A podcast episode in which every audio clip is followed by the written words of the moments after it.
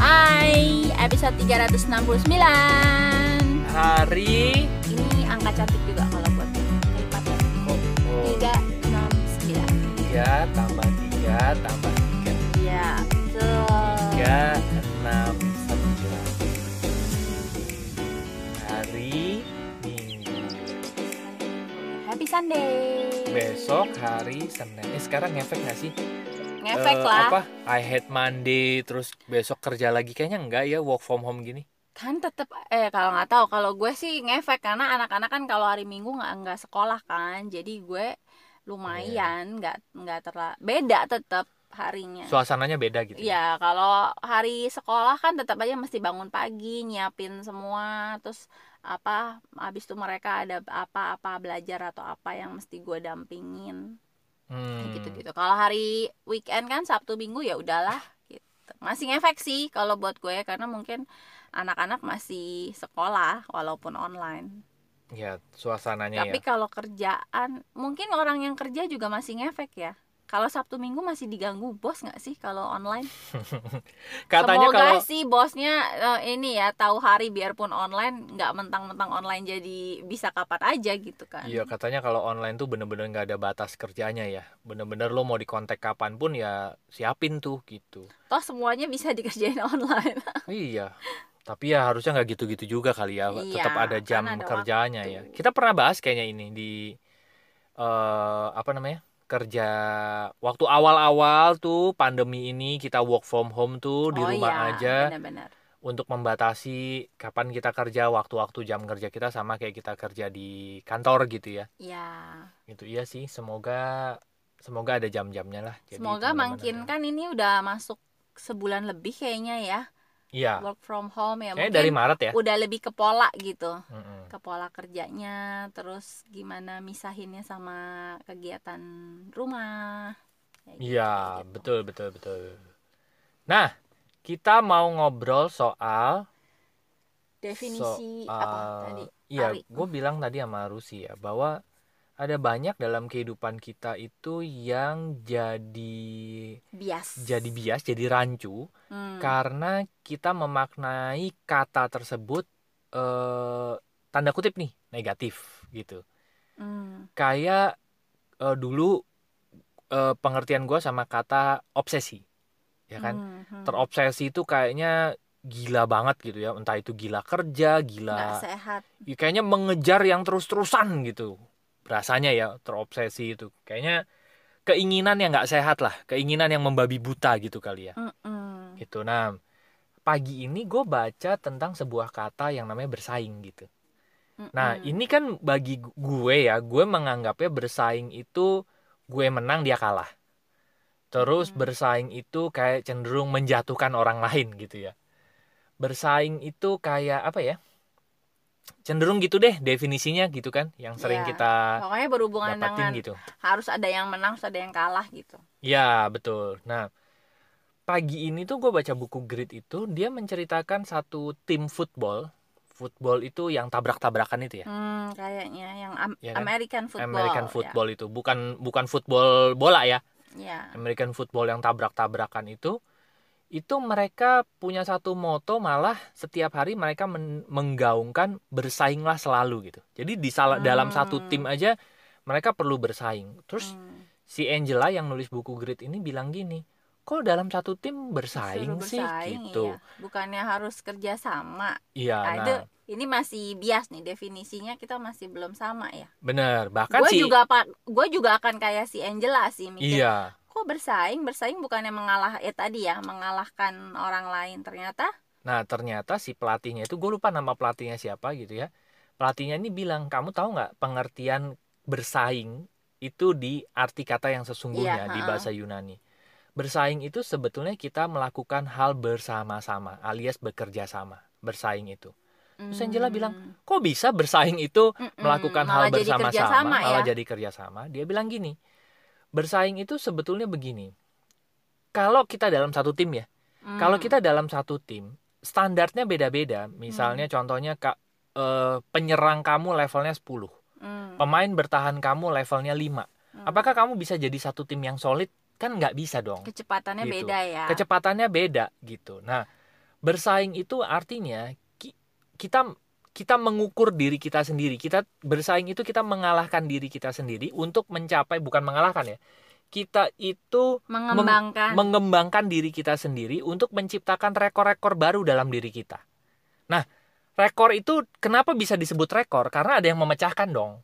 Hmm, gitu. hmm. Orang lain bisa berlari 100 meter eh, 10 detik ya karena dia tahu rekornya dia Oke. gitu. Nah, kalau dalam satu tim misalnya ada orang yang bisa tim penyerang larinya 100 dalam 100 meter 10 detik. Hmm. Terus tim apa? Tim eh, gelandangnya 10 eh 100 meter 20 detik. Ini Mm-mm. nggak nggak seimbang timnya ya gitu. Nah, berarti kalau misalnya satu tim itu punya rata-rata dia bilang ya. Rata-rata melakukan lari 100 meter 10 detik, berarti tim ini itu berada di kecepatan lari yang ber- bersa- eh, Oh, sama yang gitu ya. sama ya Di standar yang sama dia bilang gitu. Nah, iya iya iya bersaing itu artinya kita punya satu tetat apa ketetapan satu rekor tertentu gitu ya satu catatan tersen- tertentu dan tim ini harus mencapai rata-rata angka tersebut ya karena Gitu. mereka harus bergerak dalam kecepatan yang sama kan untuk bener bisa buat seirama kan Iya. gitu nah terus dia bilang untuk bisa mencapai hal tersebut semua tim mencapai angka rata-rata tersebut berarti mereka itu harus mengalahkan rekor mereka sendiri gitu oke mereka harus tanda dia bilang tanda kutip melewati batas-batas mereka sendiri gitu. Hmm. Misal mereka satu hari nih jadi bersaing itu ngomongin diri kita sendiri, nggak ngomongin orang lain nih sebetulnya. oke Kalau lo punya kecepatan lari tadi 100 meter, anggaplah 20 anggaplah sekarang 20 detik gitu ya. Hmm. Padahal kecepatan rata-rata tim ini adalah 10 detik. Berarti lo ketinggalan kan sebetulnya Iya. gitu kan. Apa yang harus dilakukan supaya lo bisa mencapai kecepatan rata-rata 10 detik dalam 100 meter? Lo harus bekerja lebih keras lagi dong. Hmm. Lo harus membuat batasan-batasan. Lo harus memecahkan rekor-rekor diri Anda sendiri, dia bilang gitu. Hmm.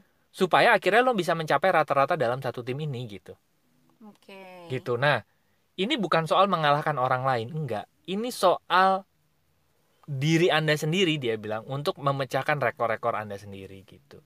melampaui pencapaian kita sendiri gitu ya Iya, Hmm. misalnya lu sekarang karena kecepatan lo 20 detik untuk lari 100 meter, apa yang lo lakuin sekarang? Oh ya lo cuman eh, berlatih 2 jam satu hari.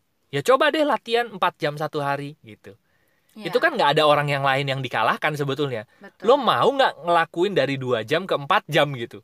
untuk itu kan- kema- untuk kemampuan kita sendiri gitu untuk kan kemampuan kita sendiri Hmm. gitu. Untuk dan lo mau nggak dari 2 jam jadi 4 jam? Bosennya, terus mungkin kecapean fisiknya untuk wah segala macamnya lah gitu. Iya iya iya Dan Sampai lo benar. menciptakan rekor baru lagi dari 100 meter 20 detik jadi 100 meter 10 detik gitu. Hmm, ini eh, pengertian bersaing yang bagus ya. Karena kan selama ini mungkin orang apa gini, kadang-kadang kalau bersaing di diartikannya kita orang lain gitu ya. dengan, Ya, orang lain gitu. Hmm. Itu kan jadi kayak eh kayak sesuatu yang nggak sehat gitu karena kok ngelihat orang lain gitu. Tetapi Mm-mm. dengan definisi ini jadi kayak dimaknai ulang bahwa eh, melihat orang lain itu juga bisa punya tujuan yang sehat gitu. Betul. Dan kayak di kelas aja, gue tuh ngelihat eh, ya, misalnya ada satu kelas kalau anak-anaknya misalnya standarnya 8 Hmm. itu anak-anak yang standarnya mungkin awalnya 5 6 itu juga bisa ikut naik gitu. Bener, betul. Ini dibahas nih di grid nih. Ya, nah, di sekolahnya anak gue pernah tuh kejadian, bukan di kelasnya anak gue sih setahun di atasnya anak Hmm. gue itu pernah ada satu orang Jepang, Oke. satu anak Jepang. Nah, satu anak Jepang ini punya etos belajar yang bagus ya. Mm-mm. Terus eh, standarnya itu jadi dia yang menetapkan standar baru lah di kelas itu. Iya. Nah, kelasnya itu dalam se- setahun ada si anak ini, itu performa satu Meningkat ya? kelas itu meningkat gitu. Iya. Nah, tapi selang setahun orang tuanya si anak ini dipulangin.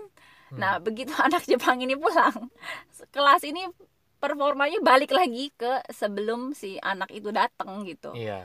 Nah, itu menurut gua oh bers- kenapa bersaing itu bisa disebut kerjasama? Karena sebenarnya kalau kita bisa memaknainya dengan sehat betul. bersaing itu jadi alat untuk kita melampaui pencapaian kita sendiri. Karena Betul. kita ngelihat oh ada standar baru yang ditetapkan. Dan benar kata Ari tadi bukan untuk ngalahin orang gitu. Betul. Tapi untuk ngelihat oh kita tuh bisa loh nyampe ke sana dari yang Iya. sekarang kita di titik tiga misalnya oh ternyata bisa ya nyampe ke titik lima ya udah maju gitu yang kayak ceritanya Roger Bannister masih ingat ya Roger Bannister itu yang mau memecahkan Hmm. lari berapa ra- ratus meter tuh gue lupa Heeh. gue lupa ya eh, dia Angkanya itu berapa ya? angkanya Katanya angka persisnya gue mungkin, kan? lupa ya dia tuh mau memecahkan gini lari berapa Berapa ratus sih? meter di bawah pencapaian waktu berapa satu menit Gitu ya. empat detik bukan sih kok gue ingatnya ada Iya. empat empatnya ya nah lupa gue terus semua ahli bilang begini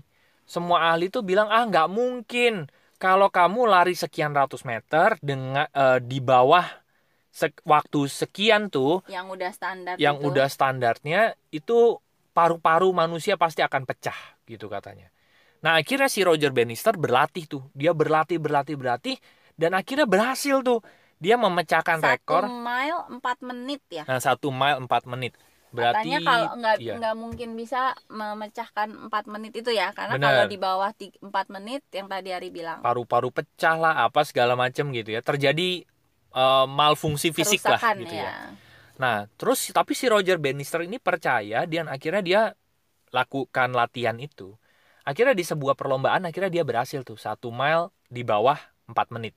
Nah, setelah si Roger Bannister ini memecahkan rekor itu, setelah itu akan banyak ratusan orang di dunia ini bisa bisa ngelakuin itu gitu.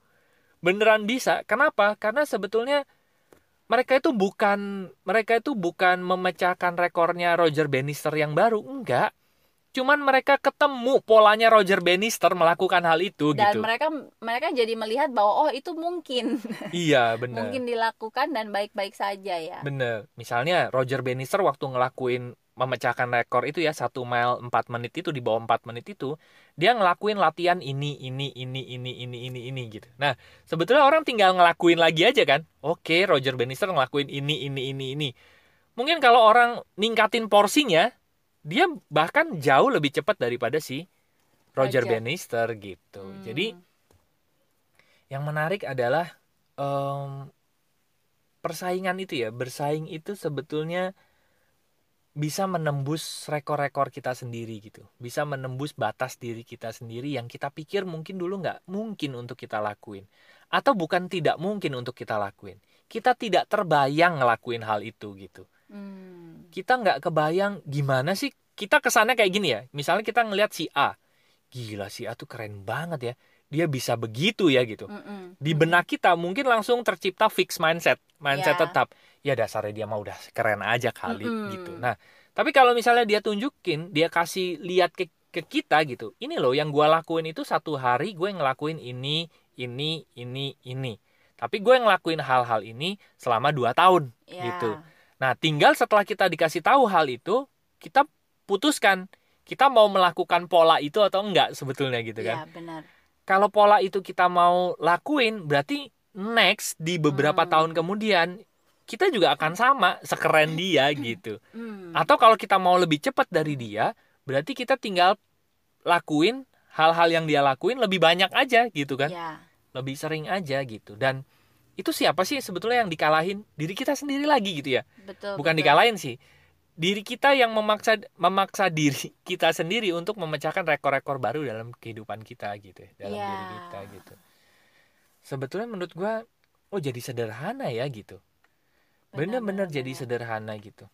Dan jadinya memang ya sebenarnya gua nggak tahu ya konsep menang kalah itu dari mana ya. Iya awal mulanya dari mana iya ya? sebenarnya kalau semua orang bisa itu ya mengartikan persaingan secara sehat seperti yang definisi awalnya kompetitor dalam usaha Nah, kompetitor ini. dalam apa pun itu tuh partner kita untuk memecahkan rekor kita sendiri betul sebenarnya. betul. Karena kita jadi punya teman belajar kita jadi punya teman-teman yang standarnya mungkin eh, hebat betul yang ada di depan kita itu bisa kita lihat sebagai oh iya ya Nah, jadi semua itu memang benar tergantung mindset ya, cara iya kita cara pandang memandang. kita ya benar Kita mandang orang yang di depan kita itu sebagai sesuatu yang bikin kita kesel, bikin kita iri, atau justru bikin apa ya, eh, bikin kita itu belajar gitu. benar Belajar dan malah kita jadi bisa mengembangkan diri karena itu gitu. Betul. Sebenarnya semua tergantung sudut pandang ya. benar jadi benar kata Rusi tuh gue setuju tuh kompetitor itu partner kita tapi tidak satu tim gitu Iya. itu benar-benar loh Jadi eh, kita tuh selalu disediakan ini sebenarnya ya, apa tools untuk maju gitu iya sama bahan kita alam. belajar benar Makanya kita selalu punya kompetitor di bidang apa pun gitu kan. Dari kita sekolah, betul. ya kan. dan Terus itu kita sinyal-sinyal buat kita untuk eh, memecahkan rekor-rekor memacu, kita iya, lagi gitu untuk memacu diri eh, memecahkan rekor, melampaui pencapaian yang udah pernah kita buat. mungkin someday ada podcast Indonesia yang tayang sehari kayak makan obat gitu ya. Pagi kali. siang sore gitu ya. Kita akan bilang gile keren banget ya. Sesi pagi sesi siang sesi malam gitu. Kayaknya dia full time kerjaannya podcaster mungkin gua akan per- kami perlu akan belajar gitu mindset apa ya yang dia Iya. pakai sehingga dia bisa podcast sehari tiga kali mungkin bisa kayak gitu. Karena menurut gue untuk bisa melakukan sebuah hal itu kan harus ada emosi dasarnya ya. Harus ada mindsetnya. Dia ngelakuin ini kenapa ya? Kok dia mau mungkin gitu? kita nanti kalau anak-anak udah bere apa, maksudnya anak-anak udah kuliah gitu ya. Heeh. terus kita misalnya udah eh, pasif income pasif income yang sekarang dibangun sudah tercipta ya Bener. sudah. Mungkin kita bisa tiga kali sehari. Apanya nih? Podcast? Ah ya iya podcast. ya.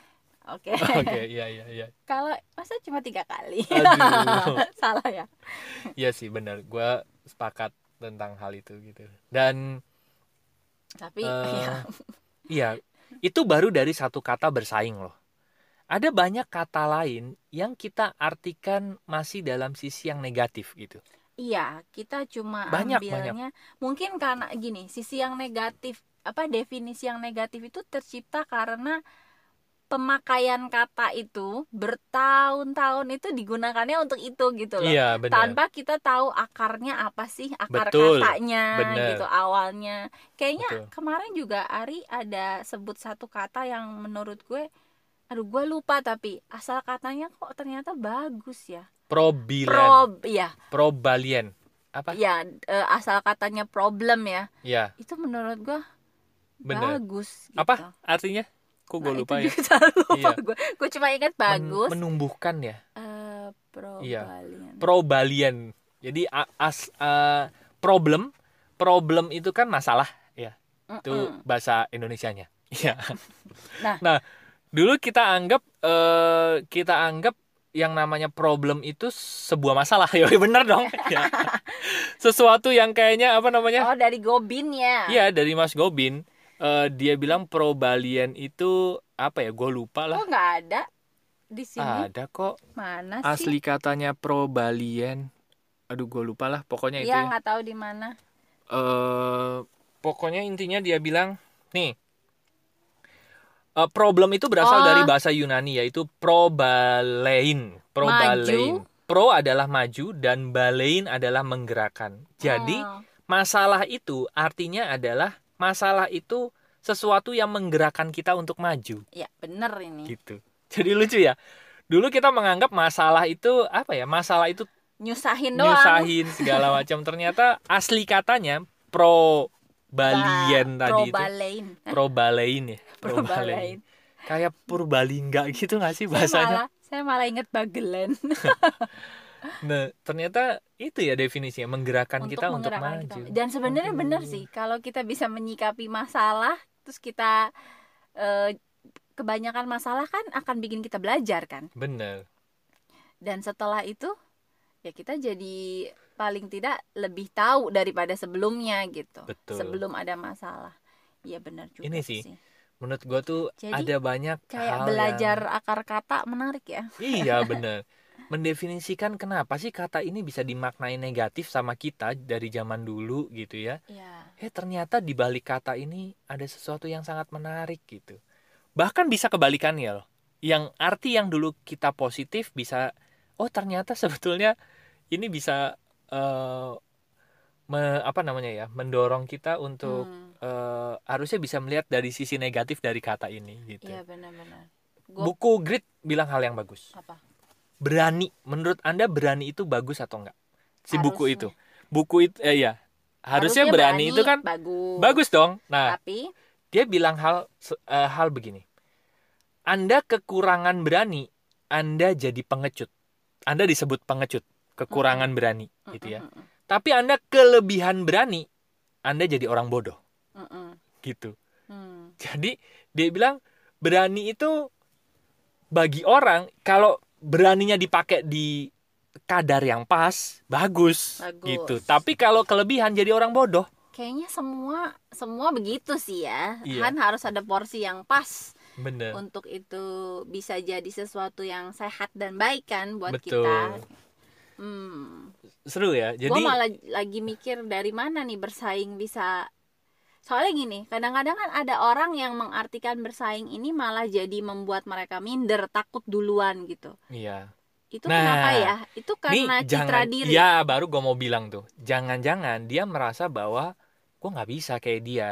Jadi gue mah kayak udah begini aja terus udah Hmm. give up aja gitu. Udah mer ya bias ya betul betul ke Nah, fix mindset tadi udah ya. fix mindset. Padahal kalau gue lihat ya kalau gue lihat kalau misalnya orang ngelihat satu standar baru di bukan standar baru ya ada ada orang yang menurut dia keren banget gitu ya. Kalau kita lihat dia juga orang ini nggak yang ujuk-ujuk gitu ya karena kita biasanya kalau yang berkecil hati duluan iya itu kalau kayak yang di udah bakat mindset, aja ya, mereka menilainya dari kemampuan. Mereka cuma Bener. ngelihat hasilnya doang betul. dan membandingkan kayak bakat hasil aja gitu ya, ya, Hmm. membandingkan hasil akhir dia yang udah ngapa-ngapain dengan Iya. hasil kita yang belum, belum ngapa-ngapain gitu. betul. Jadi kan itu nggak fair sebenarnya. Bener Tapi setuju kalau gue. kita pakai growth mindset kita akan membandingkan oh oke yang tadi itu hasil dia karena dia udah ngelakuin A B C D Betul. gue baru ngelakuin A Mm-mm. oh, bahkan oke. belum mungkin mungkin bahkan belum gitu berarti belum kalau ngelakuin udah give up Nah, ah, jadi kalau kita mikirnya dari situ bersaingnya bisa jadi sehat karena Betul. kita ngelihat orang dari sebagai standar bahwa kita tuh bisa maju dari Betul. A oh berarti gue perlu B gue perlu C gue perlu D balik-balik ke ke cara kita memandang diri juga Betul, ya bener. Gue tuh ya, gue abis baca ini buku grit kan kayaknya besok gue udah habis tuh baca. Buku grit itu bilang gini, sebelum kamu mau grit itu kan tabah artinya ya. Ah. Dia bilang gini, sebelum kamu mau memutuskan untuk mau melakukan ketabahan apa pun sama sesuatu gitu ya. Hmm, hmm, Tabah itu kan berarti kita mau melakukan hal itu secara konsisten Iya. gitu kan. hmm. Kamu harus menuliskan apa yang mau kamu tabahin gitu loh. apa, Apa ini yang- apa? Ap- hal apa yang kamu mau kerjakan di dunia ini? Mungkin kalau bahasa kamu panggilan jiwa gitu ya. Oke. Panggilan jiwa itu kan hal yang kita mau lakuin sampai nanti kita sampai akhir hayat gitu ya. Hal yang mau kita lakukan terhadap hidup kita lah intinya gitu. Iya benar. Itu yang mau kita lakukan secara tabah gitu kan. Hmm, bener-bener gitu. Kalau dilihat olahragawan itu mereka mau melakukan secara tabah adalah latihan fisiknya mereka. Ya, hmm, olah hmm. mentalnya mereka juga Mm-mm. sama loh. Itu Iya. mereka harus ngelakuin hal itu gitu ya. Itu yang mereka lakuin gitu. Nah itu pertanyaan yang buat gue iya ya apa yang mau gue lakuin secara tabah untuk gue memecahkan rekor-rekor gue sendiri? gitu. Ya itu pertanyaan yang kayak si Angela ini dia pengen banget psikologi itu dinikmati oleh anak-anak. Jadi Oke. untuk pengembangan anak-anak gitu. Nah salah satunya adalah dia mengeluarkan definisi tabah ini kan. Hmm. gitu. Gila dia menjabarkan kata grit aja bisa jadi satu buku ya. Iya berapa. Nah gue pribadi tuh ya gue gue nge-review hidup gue dari gue kuliah gitu ya. Ternyata gue itu sangat terobsesi loh ternyata dengan sebuah kata yang namanya passive income. Oke. Gue sangat terobsesi dengan hal itu ternyata. Kamu masih inget gak zaman dulu gue jalanin saya jalanin network marketing yang pertama gitu ya? Iya. Gue tuh pengen banget punya passive income yang gue bisa wariskan. Setiap gue impact namanya ya. Dari tahun 2000 berapa gue ngobrol sama 6, dia tuh? 2007 nggak tahu gue. enggak 2004 Empat lah. 2004 Mm-mm. gue balikan nama dia terakhir itu.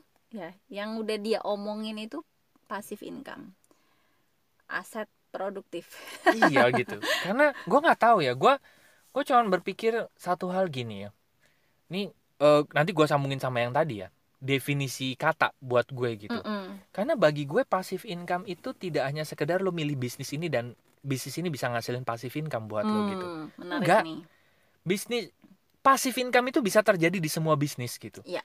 Di balik passive income itu Mhm. banyak banget hal yang ternyata gue explore dalam kehidupan gue gitu. iya betul Gue belajar tentang melepas itu dari passive income. dari usaha kamu mewujudkan passive income Iya, banyak yang di ini ya banyak yang dieksplor ya banyak yang dieksplor gitu. Banyak terus dari dari gue terobsesi passive income, gue belajar tentang apa lagi ya? Banyak hal sebetulnya yang gue sebenarnya gila.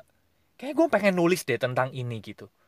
Iya, Dan iya, iya. gue mungkin bisa jadi satu buku tentang hal itu gitu.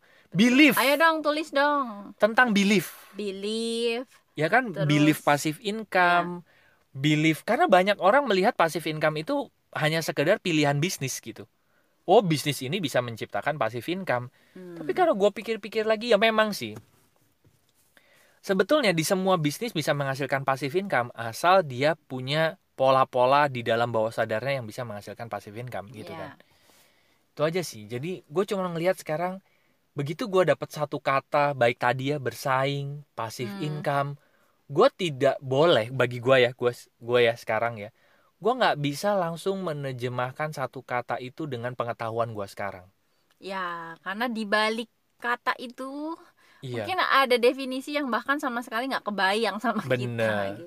betul. Padahal mungkin definisi itu yang bisa membuat kita tuh punya rasa yang beda sama kata ini, Bener. mem- memaknainya beda dan kita Betul. bisa jadi pakai makna baru ini untuk eh, mengubah sikap kita terhadap Betul. apa yang kita lakukan di Bener, sehari-hari kita gitu. betul. Beberapa hari yang lalu gue mendefinisikan lagi kata kaya sejati itu kan. Ya. Itu gue definisikan ulang lagi gitu. Gue pikir iya ya, pada saat kita tahu definisi kata ini dan kita memaknai, mungkin ini adalah versi kita sendiri ya, definisinya gitu. Hmm. Tapi itu sangat berarti loh. Mungkin menarik nih ada episode-episode kita belajar ini ya. Belajar akar mendefinisikan kata, ya. iya, pasti banyak deh apalagi Iya. dari ya itu ya. Kata-kata apa? Kalau di quote-quote itu loh. Bener. Kayak definisi marah, sedih, kecewa, khawatir. Itu kan kata-kata yang sebetulnya kayaknya kita cuman bisa rasain berdasarkan definisi kita zaman dulu ya. Tapi Hmm. kalau kita mau bedah apa sih arti arti kata itu? Dan Maaf. sebenarnya ya semua kata itu punya definisi positif dan definisi gue bisa bilang negatif nggak apa-apa ya. Ya, Artinya eh, efeknya gitu loh. bener. kalau kita memaknainya dengan A, oh kata itu tuh bisa jadi sesuatu yang kita bisa pakai untuk eh positif gitu. Tapi kalau kita memaknainya B, Iya, kok jadinya negatif gitu. betul betul. Hampir semua ya yang berhubungan dengan Dengan kata lah Mm-mm. gitu. Itu menarik buat gue sih gila ya.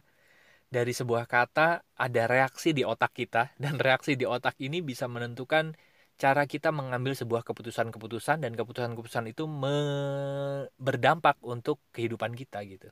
Mm-mm. Jadi lucu ya. buat gue sih seru lah gitu ya. Jadi semoga semoga teman-teman bisa memaknai eh, kata-kata dengan dengan dengan dengan bijak mungkin ya. Ya, di Dengan yang bijak. sini aja mungkin teman-teman bisa memaknai ulang bersaing tadi, Iya. melihat eh, oh ya ya kompetitor-kompetitor yang mungkin sekarang ada di ya di lingkungannya teman-teman jadi jadi sesuatu yang bisa menguntungkan gitu Betul, yang selama Untuk- ini mungkin ya. menghantui ya. Untuk me- memajukan pencapaiannya teman-teman dan pasti banyak yang bisa diambil pelajaran sebenarnya dari kompetitor-kompetitor That's kita gitu. right, betul sekali. Ya. Nah, buat teman-teman yang mungkin masih ingin ngobrol gitu ya, mungkin pengen mendefinisikan kata-kata yang selama ini me apa ya, selama ini menghantui, yang selama ini dimaknai nggak enak mungkin di bawah sadarnya, silakan masuk aja ke website kami yaitu lompatanhidup.com nanti ada tiga page di sana. Yang pertama ada home buat, Buat- chat kenalan konsulta eh konsultasi ngobrol curhat-curhat boleh lah gitu ya Kasih insight Kasih kami juga. insight, mau Iya. request Topik-topik topik. juga boleh. ya Silakan masuk aja ke page yang home. nanti ada tombol WhatsApp Ya. bisa diklik nanti langsung terhubung sama nomor WhatsApp lompatan hidup Yes. ngobrol bareng lompatan hidup Lalu yang kedua ada konseling dan event buat teman-teman yang merasa perlu layanan profesional, terapi, Ya. Yes. konsultasi, konseling, Ya. dan sekarang bisa dilakukan online Mm-mm. dan juga untuk mengundang event Mm-mm. untuk bicara bisa yes. juga. Ada tombol WhatsApp juga di page konseling dan event. Eh, nomornya beda ya dengan yang home tadi. Jadi tergantung kebutuhannya teman-teman apa bisa kontak di page terakhir ada bisnis buat teman-teman yang ingin mendapatkan rekomendasi bisnis dari kami. Kalian bisnis apa sih? Mau tahu dong tentang bisnis kalian? Ini ada program mentoringnya juga, ada komunitasnya juga. Silahkan masuk aja ke page yang bisnis. Ada tombol WA-nya nanti klik aja akan terhubung dengan WA kami. Oke? Ya. Terima kasih teman-teman sudah mendengarkan episode. 3, 6, 9. Semoga bermanfaat dan sampai jumpa di episode berikutnya. Thank you. Bye bye. See you.